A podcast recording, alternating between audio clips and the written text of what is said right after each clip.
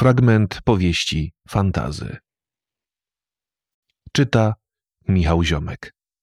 Przez chwilę stała tak w ciszy, pozwalając, byśmy mierzyli ją spojrzeniem.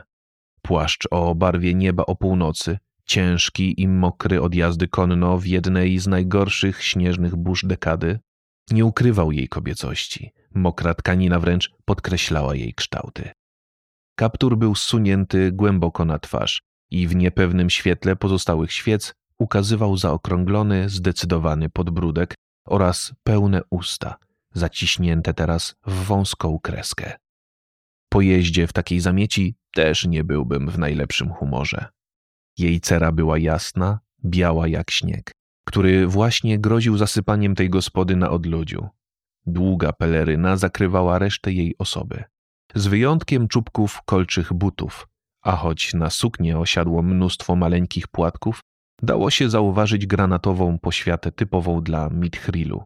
Nad jej lewym ramieniem wznosiła się rękojeść miecza bękarciego, dla każdego doskonale widoczna przez pęknięcie w pelerynie.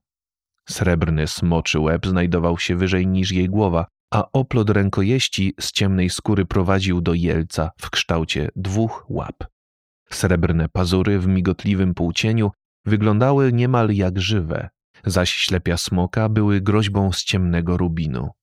Po rękojeści, po całej jej postaci, przebiegł błędny ognik i unurzał ją w słabym, błękitnym blasku, gdy uniosła rękę, żeby zsunąć kaptur i rozpiąć płaszcz. Blada twarz robiła nie mniejsze wrażenie niż wejście kobiety. Była klasyczną pięknością, choć jej oczy żarzyły się lekko czerwienią.